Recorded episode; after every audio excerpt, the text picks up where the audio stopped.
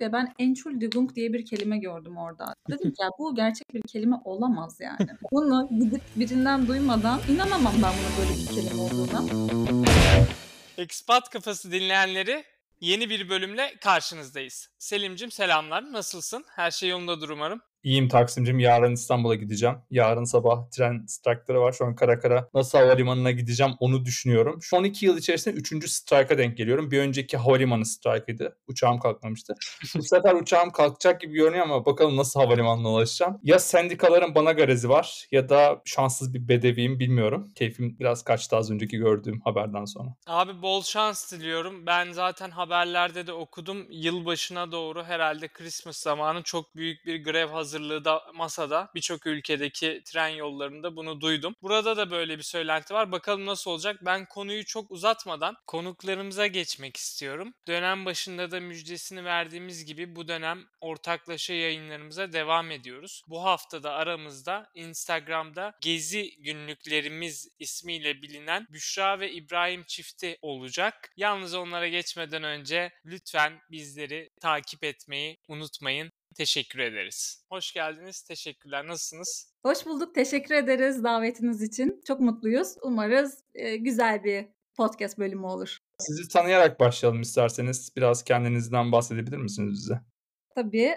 Ben Büşra. 6,5 yıldır Münih'teyim. IT uzmanı olarak geldim buraya. 6 yıl önce eşimle birlikte geldim. O da yanımda. Altı buçuk yıldır aynı şirketteyim. E, Münih'te yaşamaktan mutluyuz. Hayat burada güzel gidiyor bizim için. Merhaba ben İbrahim. Ben de altı buçuk yıldır buradayım. E, makine mühendisiyim. Bir inşaat firmasında proje mühendisi olarak çalışıyorum. Belki burada en başına gidebiliriz biz nasıl gelmeye karar verdik buraya diye. Aslında şöyleydi. E, ikimiz de çalışıyorduk. İstanbul'da yaşıyorduk Türkiye'deyken. E, ve sonra bir yurt dışı tecrübesinin hem işimiz hem de özel hayatımızda bize çok iyi geleceğini düşündük. Yani birkaç sene yurt dışında kalıp Sonra Türkiye'ye geri dönmekti planımız. E, bu yüzden de hem İbrahim hem de ben e, yurt dışında iş başvuruları yapmaya başladık. Ülke limitimiz ve filtremiz yoktu. Yani neresi olursa oraya gidecektik. E, ben endüstri mühendisiyim. Kendi iş alanımla ilgili başvurular yapıyordum. İçlerinde Afrika'da vardı, Amerika'da vardı, Avrupa'da vardı. İbrahim kendi iş alanı ile ilgili ülkelere başvuruyordu. Türkiye Cumhuriyetler, Rusya,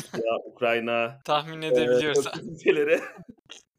Allah'tan Antarktika ikinizde de yok yani. Penguenlerle biraz zor olurdu herhalde.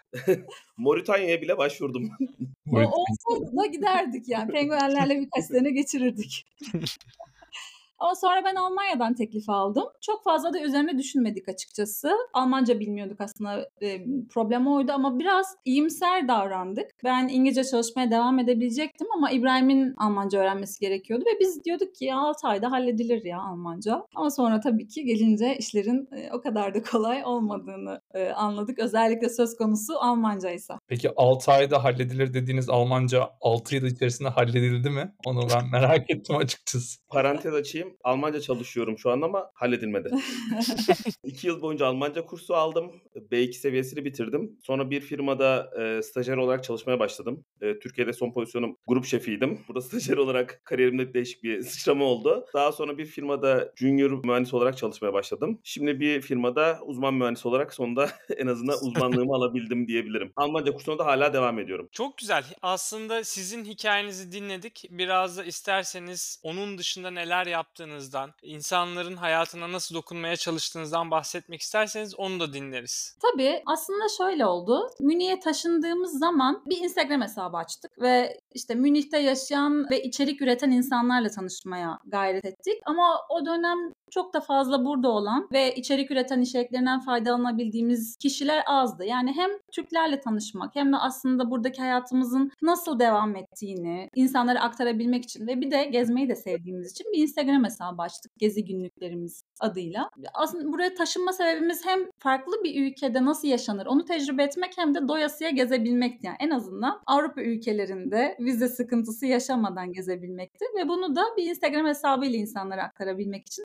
hesabımızı kurduk. Şimdi de takipçilerimize gezdiğimiz yerlerle ilgili hem de Münih'le ilgili içerikler üretip e, Münih'i ve diğer ülkeleri anlatmaya çalışıyoruz. Süper. Belki takipçilerimizin kafalarında bir algı oluşması adına zaten sayfayı aşağıda paylaşacağız incelerler ama en son geziniz ve bir sonraki planladığınız geziyi belki paylaşırsanız kafalarında imge oluşabilir. İsterseniz oradan bahsedin. Yani ne zamandan beri yapıyorsunuz bunu ve yapma motivasyonunuz neydi? Belki onları da ekleyerek biraz konteks vererek de ilerleyebiliriz. Ya öncelikle motivasyonumuz skor tutmaktan ziyade tutuyorum ben onu da. Onunla ilgili de bir Excel'im var bu arada. Skor da tutuyorum. Ama yeni yerler görmek, yeni tecrübeler edinmek. Hani farklı coğrafyalara gitmeye çalışıyoruz. Asya'nın e, bir ucundan ya da bir dağın başındaki bir kulübe olabilir bu farklı yerlere gitmeye çalışıyoruz. Ee, mesela bu yılki gezilerimiz böyleydi. Sri Lanka'ya gitmiştik. Sri Lanka'da iki hafta geçirdik. Ondan sonra bu senenin en güzel ikinci tatili de Dolomitlere gittik İtalya'ya. Dolomitler'de Almanların çok meşhur Dreisenen dedikleri bir dağ oluşumları var. Onun çevresinde 3 gün trekking yaptık. Oradan da e, Hırvatistan'a inmiştik. Sonra dalış ve su sporlarıyla devam ettik. bu şekilde. Şimdi yeni planımız eğer bir aksilik olmazsa henüz daha plan aşamasında ama Vietnam, Kamboçya ve Laos olarak düşünüyoruz düşünüyoruz. Yine ters bir iklim, ters bir e, coğrafya olsun istiyoruz açıkçası. Bu arada bu soruyu ben biraz da bilinçli sordum. Çünkü Taksim biz e, bu grup olarak senin dışında daha önce Münih'te tanıştık. Hatta biz böyle anlaştık kendi aramızda nasıl yapalım podcast'i falan dedik. 3 gün sonrasında Müge diye bir arkadaşımız var ortak. Onun bir etkinliğinde biz denk geldik. Orada da tanışırken Excel olduğunu hatta çıkardı gösterdi İbrahim dedi ki şu ülkeler var. Şöyle Excel listesinde böyle kolonlar var. Ben bunları işte multiply edeceğim birbiri arasından ve seçeceğim. Hatta yani bu liste arasında seçilmesini istediği bir birkaç ülke varmış. Onlar seçilsin diye ekstra kolon eklemiş. Hani hani pozitif bilimleri kendi e, hedefleri doğrultusunda biraz manipüle etmeye çalıştığını fark ettim. O yüzden gerçekten ciddi bir tutku var. Bu account'u da takip edin. Gerçekten çok güzel içerikler gördüm. Avrupa'nın dışına çıkmak. Mesela ben henüz Avrupa'nın dışına çıkamadım. Hatta ilk okyanusa girişim bu, bu yaz Portekiz'de oldu. E, zamanla mı oluyor yoksa hani siz en baştan beri yok abi Avrupa'yı zaten gezeriz biraz böyle uzaklara kaçalım sonra zaten Avrupa evimiz gibi mi davrandınız? Nasıl oldu? Aslında şöyle oldu. Ya Avrupa'yı gezmeye başladık. 2-3 yıl boyunca Avrupa'da gezebildiğimiz her yere hatta üniversite yıllarını kullanmadığımız kadar çok Flixbus kullanarak buradan Münih'e yakın bir sürü şehre işte hızlı trenlerle daha yukarılara gitmeye çalıştık. Avrupa'daki şehirler tabii ki çok güzel ama bir noktadan sonra birbirinin benzeri olmaya başlıyor. Hatta bir karikatür vardır belki görmüşsünüz işte kilise var, meydanı var, bir nehir geçiyor gibi gibi yani. Özellikle orta büyüklükteki şehirler bir noktadan sonra çok benzer gelmeye başlıyor. O yüzden de rotayı çoğunlukla Asya'ya çevirdik şimdiye kadar ve Asya gerçekten çok farklıydı. Özellikle bu Sri Lanka gezisi bu sene. Ee, yani oradan şey desem sanırım yanlış olmaz. Yani bu seyahatten farklı insanlar olarak döndük yani. Giden insanlarla dönen insanlar çok farklıydı birbirinden. Ve o anlamda da seyahat etmek hem farklı dünyaları görmek, o bakış açısını edinmek için e, çok güzel bir fırsat. Peki Asya'da mesela bir noktadan sonra öyle gelmiyor mu? Yani Avrupa'daki gibi evet nehir, kilise, çok güzel medeniyet, her yer temiz, e, otobüsler zamanında geliyor gidiyor, her şey elektrikli. Asya peki nasıl olacak? Bence gördüğümüz en büyük farklılık şuydu. Özellikle Sri Lanka özelinde söyleyeyim bu sene gittiğimiz için fakir bir toplumla karşı karşıyayız. Yani gelişmiş şehirler yok gittiğimiz yerlerde. Ve son 2-3 günümüzü hasta geçirdik. İşte hastaneye gitmek zorunda kaldık. Hastane şartlarını da gördük. Nasıl yokluklar yaşandığını gördük yani. Ve uçuşumuz şöyleydi. Buradan işte 5 saatte Katar'a gidiyoruz. Katar'dan 5 saatte Sri Lanka'ya gidiyoruz. Dönüş de aynı şekilde. Katar'da bir arkadaşım vardı. 8-10 saatlik aktarma saatimiz olduğu için sağ olsun bize Katar'ı gezdirdi. Çok zengin ama aynı zamanda parayı nasıl harcadıklarını gözlemleme şansı şansımız oldu. Yani açık hava AVM'leri, klimalı sokaklar gibi. Ve sadece 5 saat uçakla insanların nasıl bir yoklukla karşı karşıya olduklarını gördük mesela. Sonra Avrupa'ya geliyoruz, Almanya'ya geliyoruz. İşte kağıtları dönüştürelim, camları şöyle yapalım, plastikleri ayıralım. E, aman her şey yeşil olsun falan. Yani öteki tarafta dünyada insanların gerçekten tansiyon aleti çalışmıyor hastanelerde. evet ya çok geçmiş olsun bu arada. Teşekkür ederiz. Yani biraz şey gibi Avrupa bir fanus yaratmaya çalışıyor kendine. Aslında bunu fark ettim. Ama olay başka boyutlarda yaşanıyor. İnsanların hayatları çok farklı. İşte böyle şeyleri görebilmek için ve o bakış açısını elde edebilmek için seyahat herhalde en güzel fırsatlardan bir tanesi. O mide bozulacak bunu anlamak için değil mi? O biraz Asya'nın klasiği o değil midir? Hindistan'a gidersin işte bir tane su içersin ve bir hafta kötü bir şekilde yaşarsın sonrasında. Medeniyetin ne kadar önemli bir şey olduğunu anlayıp Avrupa'ya dönersin. Bende de aynı şey kamping yaptığım zaman oluyor. İşte gidiyorsun birkaç gün kamping işte doğa güzel ama üçüncü gün duş alamayınca artık evet ben gideyim de güzel medeniyetimde yaşamaya devam edeyim. Bence çok güzel bir şey. Yani bunu birazcık daha tabii farklı kıtalardaki hayatları görmek vesaire. Hani insanı kendi fanusundan çıkarıp biraz dışarıda neler olup bitiyor. Aslında kendi standartlarına da alıştırıyor. Bu arada dinleyenlerimize de şu bilgiyi verelim. Sri Lanka birkaç sene önce belki bazılarınız biliyordur default ilan etmiş bir ülkeydi. Yani e, iflasını ilan etmiş bir ülkeydi. Buradan bazı ülkelerin yardımıyla daha çok Hindistan ama daha sonrasında bazı şartları seneler sonra yerine getirerek IMF kredisiyle de şu anda hayatına devam etmeye çalışıyor. Evet biraz Sri Lanka'dan Avrupa'ya tekrar geri dönelim. Münih'e geri dönelim. 6,5 yıldır Münih'tesiniz. Gerçekten uzun bir süre. Nasıl bir his Münih'te yaşamak? Münih'te yaşamanın artı yönleri nedir? Eksi yönleri nedir? Ben başlayayım isterseniz. Türkiye'deki çalışma şartlarımı çok ufak anlatayım. İnşaat sektöründe çalışıyordum Türkiye'de. Bu nedenle haftada 60 saat normal mesai saatim ve bunun üzerine fazla mesailerim 80, 90, 100 vesaire geçiyordu. Bir tek pazar günlerim oluyordu. O yüzden pazar günleri hatta uyandığımda Büşra böyle yataktan çekerek bir şey yapmamız lazım. Hani çabuk e, uyumamamız lazım. Bir şey yapalım bugün diyerek geçiren bir insandım. Onun karşılığında şimdi Almanya'da haftada 40 saat çalışıyorum. Hani kendime ayıracak çok fazla vaktim oluyor. E, orta halli Türk ailelerinden gelen her çocuk gibi ben de hayallerim vardı. Hobi isteklerim vardı. Bunu denesem ne olur, bunu denesem ne olur diyordum. Şu an 36 yaşındayım ve sürekli yeni hobiler denemeye çalışıyorum. Yeni şeyler yapıyorum. Şunu yapsam ne olur, buna yap, e, bu sefer buna geçsem ne olur diye mesela örnek vereyim. Dağcılık hep hayalimdi. Almanya'ya geldiğimden sonra dağcılığa başladım. E, tırmanışa başladım. Çok fazla kişiyle teşvik etmeye çalışıyorum sürekli. Hatta seni de teşvik edebilirim Selim. Onu da söyleyeyim. Onun dışında e, Türkiye'de yarı profesyonel e, paintball oynuyordum. Almanya'da buna devam etmeye çalışıyorum. Ayrıca Airsoft'a başladım. Dağcılık dediğim gibi devam ediyor. Yüzme, tırmanış, kış sporları, dalış. Hepsi Almanya'da başladığım sporlar oldu. İş yok abi herhalde bu süreçte. Çalışmıyorsun herhalde. Yengeden mi geçiniyorsun? Biz dönem geçindi mi?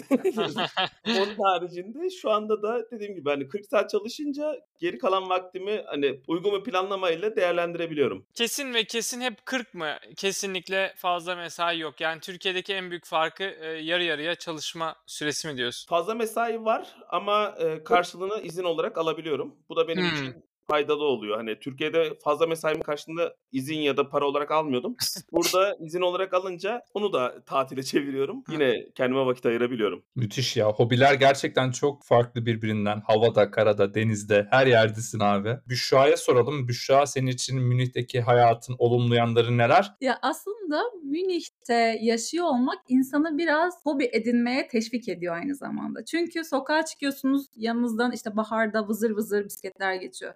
Kar yağıyor bisiklet sürüyor insanlar. Doğa yürüyüşü yapıyorsunuz yanınızdan ya 50-60 yaşında insanlar koşarak geçiyor. İşte yüzmeye gidiyorsunuz böyle bir, e, havuzu bitirene kadar 2-3 tur atıyor insanlar. Ya da buz patenine gidiyorsunuz işte insanlar kulaklığı takmış dans ediyor. Böyle, biz böyle yeni öğrenelim böyle paytak paytak e, kaymaya çalışırken insanlar yanımızdan vızır vızır geçiyor. Yani bizim gözlemlediğimiz Almanlar sporla çok iç içe yaşlanana kadar. Ya tabii ki aksi var mıdır? Vardır ama e, çoğunlukla hayatın içinde bizim gözlemlediğimiz. O yüzden de hem çok fazla aktivite yapılacak yer var hem de insan içine şey geliyor. Ben de buna katılayım. Tabii ki istisnaları vardır ama Türkiye'de genelde hobilere çok fazla vakit ayrılmaz. Sıfır. Hobilerle büyümüyoruz yani. Yok Maalesef. maalesef. Keşke aksi olsaydı ama burada işte 27 yaşından sonra 30 yaşından sonra hobi edinip onları geliştirmeye çalışıyoruz. Bizde İbrahim daha çok sportif faaliyetlerde aktif. Ben de biraz daha işte kültür, sanat, edebiyat alanlarında aktifim. Burada benim birazcık sanki kültürme ilgili bir şey geldi. hayır hayır. Taş mı geldi yoksa? sadece öne çıkan şeylerden bahsediyorum. Dolayısıyla çok fazla imkan var burada. O yüzden seviyorum yani. Kullanırsam o imkanları burada yaşamak insanı doyuruyor. Öyle söyleyebilirim. İsterseniz buradan şuraya geçelim. Bildiğiniz gibi sizin gibi Almanya'da, Avrupa'da yaşayan ve içerik üreten çok fazla kanal var aslında. Ve bu kanallar genelde Almanya'nın hep iyi yönlerine fokuslanmış bir şekildeler. Sanki Türkiye'de kalmak Hindistan gibi davranıyorlar Türkiye'ye. Hani Türkiye'de yaşanmaz, nefes alınmaz mutlaka kopun kopun gelin gibi videolar çekiyorlar. Biz de öyle bir kanal olmadık hiçbir zaman. Hep negatif taraflarını da konuştuk. Siz de aynı şekilde bu konuda bazı hassasiyetleriniz olduğunu söylemiştiniz. İsterseniz biraz da madalyonun diğer tarafına bakalım. Bu 6,5 yıl içerisinde nelerle karşılaştınız? Ne gibi zorluklar sizi, psikolojinizi veya motivasyonunuzu etkiledi? Biraz da işin bu tarafına değinmiş olalım. Evet bence burası konuşulmaya değer bir taraf. Çünkü ya göç meselesi herkesin kişisel yolculuğu. Buraya tek gelenler var, eşiyle gelenler var, eşini, çocuğunu Türkiye'de bırakıp buraya gelenler var. Dolayısıyla herkesin yapısı, zorluklarla baş etme şekli birbirine göre farklılık gösteriyor. Ama en nihayetinde ailenizden, arkadaşlarınızdan, o güvenli alanınızdan kopup başka bir ülkeye geliyorsunuz. Ve özellikle bu ülke Almanya gibi bir ülke ise belki dilini o kadar iyi konuşmuyorsunuz. Hiç bilmediğiniz bürokratik süreçler, evrak işleriyle karşı karşıya kalıyorsunuz. Dolayısıyla ve mesela Münih özelinde söyleyeyim ev bulmak Münih'te herkes için bir problem en başta. Ve eğer buraya taşınan kişinin e, motivasyonu Türkiye'den taşınmaksa ve Türk lirası dışında bir para birimiyle para kazanma motivasyonuyla geliyorsa o motivasyon böyle zorluklar karşısında çok hızlı bir şekilde tükeniyor. Ve sonra şikayetler yükselmeye başlıyor. İşte Almanya'da bürokratik işler çok fazla. Almanya'da şu şöyle. Almanya'da herkes çok mesafeli. Almanlar çok soğuk. Bir sürü kağıt gönderiyorlar. Her şey evrak işi gibi gibi şikayetler böyle artarak çoğalıyor. O yüzden bence geliş motivasyonu yani göç etme motivasyonu çok önemli. Yani gerçekten yurt dışı tecrübesi edinmek, gerekirse Türkiye'ye dönmeyi göze almak gerekiyor bence. Çok iyi katılıyorum. Şurada e, kısaca girmek isterim. Harry Kane İngilizlerin o meşhur efsanevi forveti Bayern Münih'e transfer oldu Tottenham'dan. Hala ev bulamamış. Münih'te hala ev bulamamış. Galatasaray maçındaydım. Gol attığında evsiz adam bize gol attı diye sinirlendim. Başka şeyler de söylemiş olabilirim ama bana kalsın. ev bulmak hatta Tarkan da bu arada Münih'te ev bulamadı bir magazin haberi olarak. Onun için Türkiye'de yaşıyor herhalde. Boğaz yalısı manzarası sevdiğinden değildir diye düşünüyorum. Sen bahsetmek ister misin abi? Ne görüyorsun? Nasıl madalyonun diğer tarafı? Yani Almanya ile ilgili kendi deneyimimden öncelikle insanlar buraya gelirken para beklentisiyle Büşra'nın da dediği gibi gelirlerse gerçekten öyle bir euro ile maaş alıyoruz işte şöyle bir hayat böyle bir hayat yani yıldızları vaat etmiyor burası. Burası da hani ayağını yorganına göre uzatmanı gerektiren belli bir bütçeni koruman gereken bir yer. Tabii ki üst düzey yönetici olarak vesaire gelmiyorsan dan bahsediyorum. Bunun dışında hani insanların gerçekten Türkiye'den şu an çok gitmeye çalışıyorlar. Bize de sürekli sorular soruyorlar. Hani eş dostuz ya da takipçiler sürekli nasıl geliriz, ne olur gelelim, hani gelelim yeter modundalar. ee, gelemeyince de Büşra'nın da dediği gibi çok fazla demoralize oluyorlar. Buraya şey gibi görüyorlar. Yeter ki gelelim gerisi hallolur. Ama buraya gelmek de yetmiyor. Ee, mesela bizim geldiğimiz dönemde gelen tayfanın, gelen community'nin çoğu tecrübe kazanmak için, farklı bir yaşam yapmak için ya da e, Almanya'da biraz çalışırım, Türkiye'ye geri dönerim e, ya da Amerika'ya giderim diye düşünen e, kişilerdi. Şu an gördüğümüz yani yıllar içinde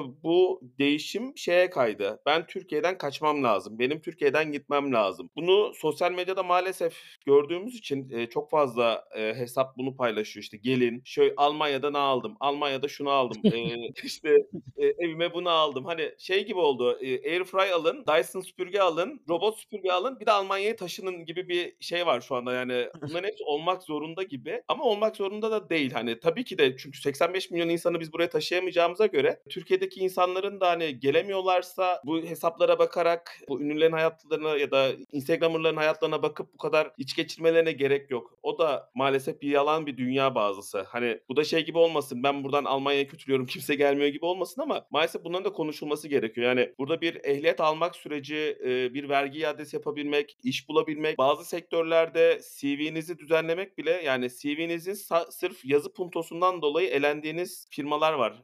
Yani CV oluşturmak bile burada ben onunla ilgili yaklaşık 7-8 saatlik eğitim almak zorunda kaldım öyle söyleyeyim. Yani bunların hepsi insan için sıkıntılı süreçler. Sadece gelelim her şey düzelecek diye bir şey yok. Burada da kendi içinde sorunlar var. Hani gurbet gurbet zaten ayrı bir kendi başına bir şey. Hani aile bağlarınız varsa vesaire o ayrı bir şey. Almanlarla arkadaşlık kurmak başlı başına bir sıkıntı. Hani ben e, çok aktifim söylediğim gibi. Alman takımlarında işte paintball oynuyorum. Alman takımında airsoft oynuyorum. Sadece o hafta sonu oynuyorum ve ondan sonra kimse kimseyle bir daha görüşmüyor. Çünkü ben onlar için Fight Club filminde diyordu ya sen benim yolculuk için arkadaşımsın. ben onlar için sadece o hafta sonu için arkadaşıyım ve bu kadar yani. Ondan sonrasında bir daha kimseyle görüştüğün olmuyor. O yüzden Türk komünitesiyle arkadaşlık kurmak zorundasın. Bu da ayrı bir zorluk getiriyor.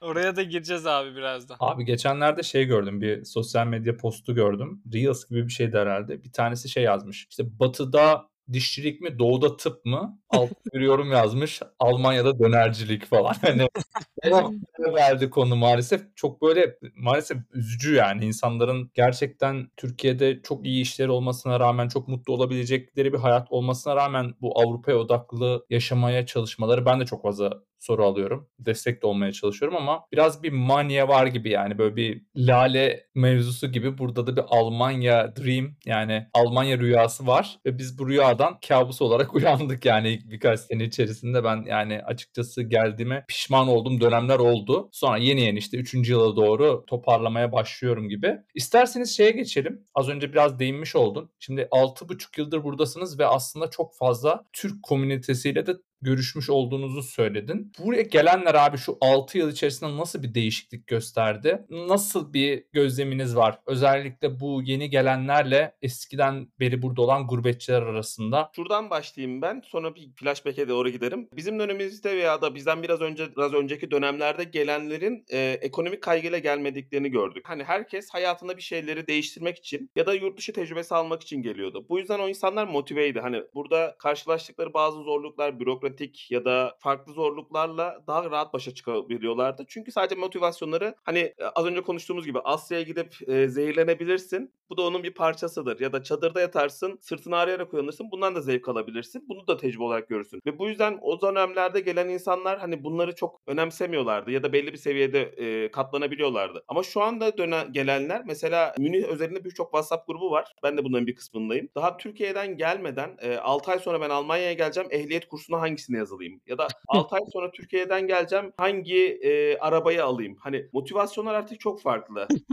ee, ya da işte PlayStation 5 nasıl alabilirim? Ee, yani bunlar hep böyle işte dediğim gibi işte daha gelmeden Airfry almaya çalışmalar hani yani motivasyon artık sadece çok fazla böyle bir nasıl diyeyim avam kaçmaya başladı. Bu da burada insan hani burada yeni tanıştığımız bazı insanlarla da o yüzden hani ortak payda bulamamamıza sağlıyor. Ya da onların burada tutunulmamasını da engelliyorlar. Hani geliyorlar burada demoralize oluyorlar. E, seni bizimle konuştuklarında da o yansıyor ve e, sadece Almanya'yı eleştirdiğimiz bir muhabbete dönüşüyor bu ve çok keyifli olmuyor bu muhabbet. Peki bunu çok güzel anladım ben. Yeni gelenlerin motivasyonu daha çok hayatlarını Instagram'da bir şekilde başka bir yerlerde yaymak, arkadaşlarına, akrabalarına hava atmak. Abi Almanya'da hayat çok güzel. 100 euroya bir hafta bütün market oluyor falan. Sizde daha çok e, yurt dışı tecrübesi var. Peki sizden önceki gelenlerle artık 3. kuşağı Almanya'da tecrübe eden Türk vatandaşlarıyla sizin kuşağınız arasındaki ilişki ya da daha sizden sonra gelen gelenlere onlar nasıl bakıyorlar? Orada tamamen farklı bir dünya var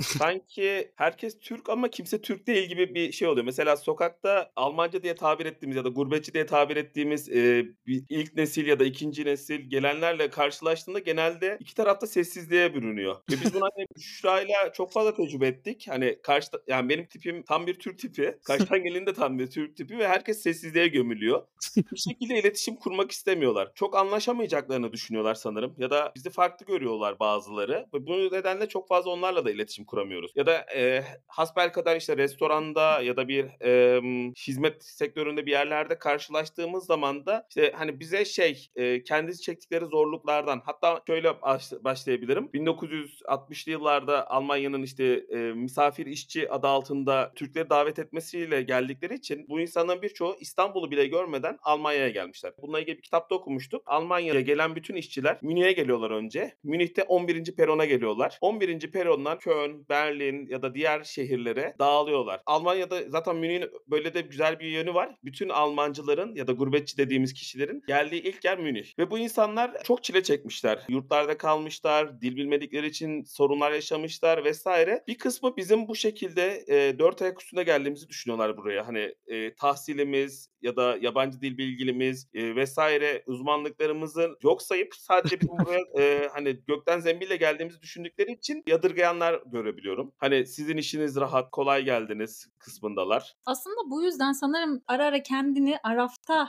olarak nitelendiren insanlarla tanıştık. Yani ne artık tam Türkiye'den birisi çünkü Türkiye'ye gittiğinde de zorluklar yaşıyor. Almanya'da olduğunda Almanya'ya da entegre olamamış durumda. Yani ne Alman ne Türk artık ortada bir yerde kalmış bir durumda görüyorlar kendilerini. O da sanırım e, işte yıllar önce buraya misafir işçi olarak geldikleri için tam olarak entegre olamamışlar buraya. Zaten Almanlar da onlara hep geçici gözüyle bakmışlar. Ama bir şekilde Türkler burada tutunup kalmış. Maalesef bir türlü o toplumun içinde yer edinememiş gibi görünüyor. Bu kadar sosyal analizden sonra artık yavaş yavaş kapatabiliriz. Bayağı da bir zaman oldu ama ben size gitmeden önce bir soru sormak istiyorum. Ee, birçok yeri gezdiğinizi söylediniz. Kesin gitmelisiniz dediğiniz yer ve kesin gitmemelisiniz ya da gitmenize hiç gerek yok dediğiniz yerlerden birazcık bahsederseniz çok memnun olurum. Benim aklıma kesin gitmelisiniz deyince yani seyahatlere ben tecrübe gözüyle bakıyorum ve bence kuzey ışıklarını görmek edinilebilecek en güzel tecrübelerden bir tanesi. Olayın bilimsel arka planını hakimsiniz. İşte güneşten bir şeyler geliyor onlar rüzgarlarla şöyle oluyor böyle oluyor derken o bir görsel şölen oluyor orada. Ama onu gördüğünüz an mistik bir şeyler oluyormuş gibi. Yani bundan yüzyıllar önce insanlar onun ona farklı anlamlar yüklüyormuş. Gördüğünüz zaman o bilimsel gerçeklik bir anda kayboluyor ve sanki mistik bir güç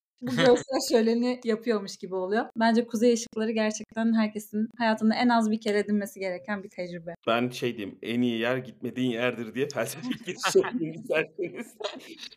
en güzel gittiğimiz en güzel seçeneği Büşra kaptığı için benim de güzel bir şey söylemem gerekiyor diye düşünüyorum. Ama gitmemelisiniz dediğinizde düşününce aklıma aslında şöyle hani her yerden herkesin alabileceği şey farklı olduğu için hani kimseyi yine etkilememek adına kimseye şuraya gitmeyin de demek istemiyorum açıkçası. Benim beğenmediğim yeri birileri gidip beğenebilir ya da farklı bir şey görebilir ya da o gün kulaklığında dinlediği müzik oraya farklı bir gösterebilir. O yüzden herkes tecrübesini yaşamak için istediği yere gitsin diye düşünüyorum. O zaman ben de bir tane daha soru soracağım. Şu an başa dönseniz bu tecrübelerinize yeniden geliyorsunuz Almanya'ya. Neyi farklı yapardınız ve neyi yine yapardınız? Ben Almanca öğrenirdim en başta. Almanca öğrenmeyi çok erteledim maalesef. Hala öğreniyorum. Hala B1'deyim. Yani dönüp dönüp B1 alıyorum gibi. Biz buraya gelirken İbrahim'le işte şey Duolingo diye bir aplikasyon vardı. Ee, biraz böyle bakmaya başlamıştık ve ben Entschuldigung diye bir kelime gördüm orada. Dedim ki ya bu gerçek bir kelime olamaz yani. Bunu gidip birinden duymadan inanamam ben bunun böyle bir kelime olduğuna. Maalesef doğruydu. Ama bana bu kadar uzaktan zor gelen sanki uzaylı dili gibi gelen bir dildi Almanca. Ben de belki iş arama sürecimi daha farklı yönetebilirdim. İnşaat sektöründen bahsediyorum bu arada. E, sektörün içine girmek için farklı yöntemler var. İşte stajyer olarak girmek ya da e, bir yerlerde maaşsız çalışma fırsatları vesaire bile var. Ben bunlardan maalesef bir haber olduğum için geldiğim dönemde çok fazla bu konuları irdeleyemedim ve iş bulma sürecim biraz gecikmişti. Da, belki onu daha farklı yönetebilirdim. Vallahi çok teşekkür ediyorum ben şahsen. İnanılmaz tekrardan vizyon açıcı ve yeni gelenlere ya da gelmeyi düşünenlere de e, fikir verici bir yayın daha oldu. Çok teşekkürler vaktiniz ve emekleriniz için. Gerçekten çok memnun oldum şahsen de sizi tanıdığım için. Biz teşekkür ederiz. Dinleyenler de umarım faydalanabilirler. Çok teşekkürler tekrar davet ettiğiniz için. O zaman şunu da söylemeden geçmeyelim. Biz zaten açıklamaları da koyacağız. Gezi günlüklerimiz Instagram hesabını herkesin takip etmesini canı gönülden tavsiye ediyoruz. Teşekkür ederiz. Çok teşekkür ederiz bize bize bu fırsatı verdiğiniz için. Biz teşekkür ederiz değerli vaktiniz için. O zaman haftaya yeni bir bölümle görüşmek dileğiyle. İyi haftalar.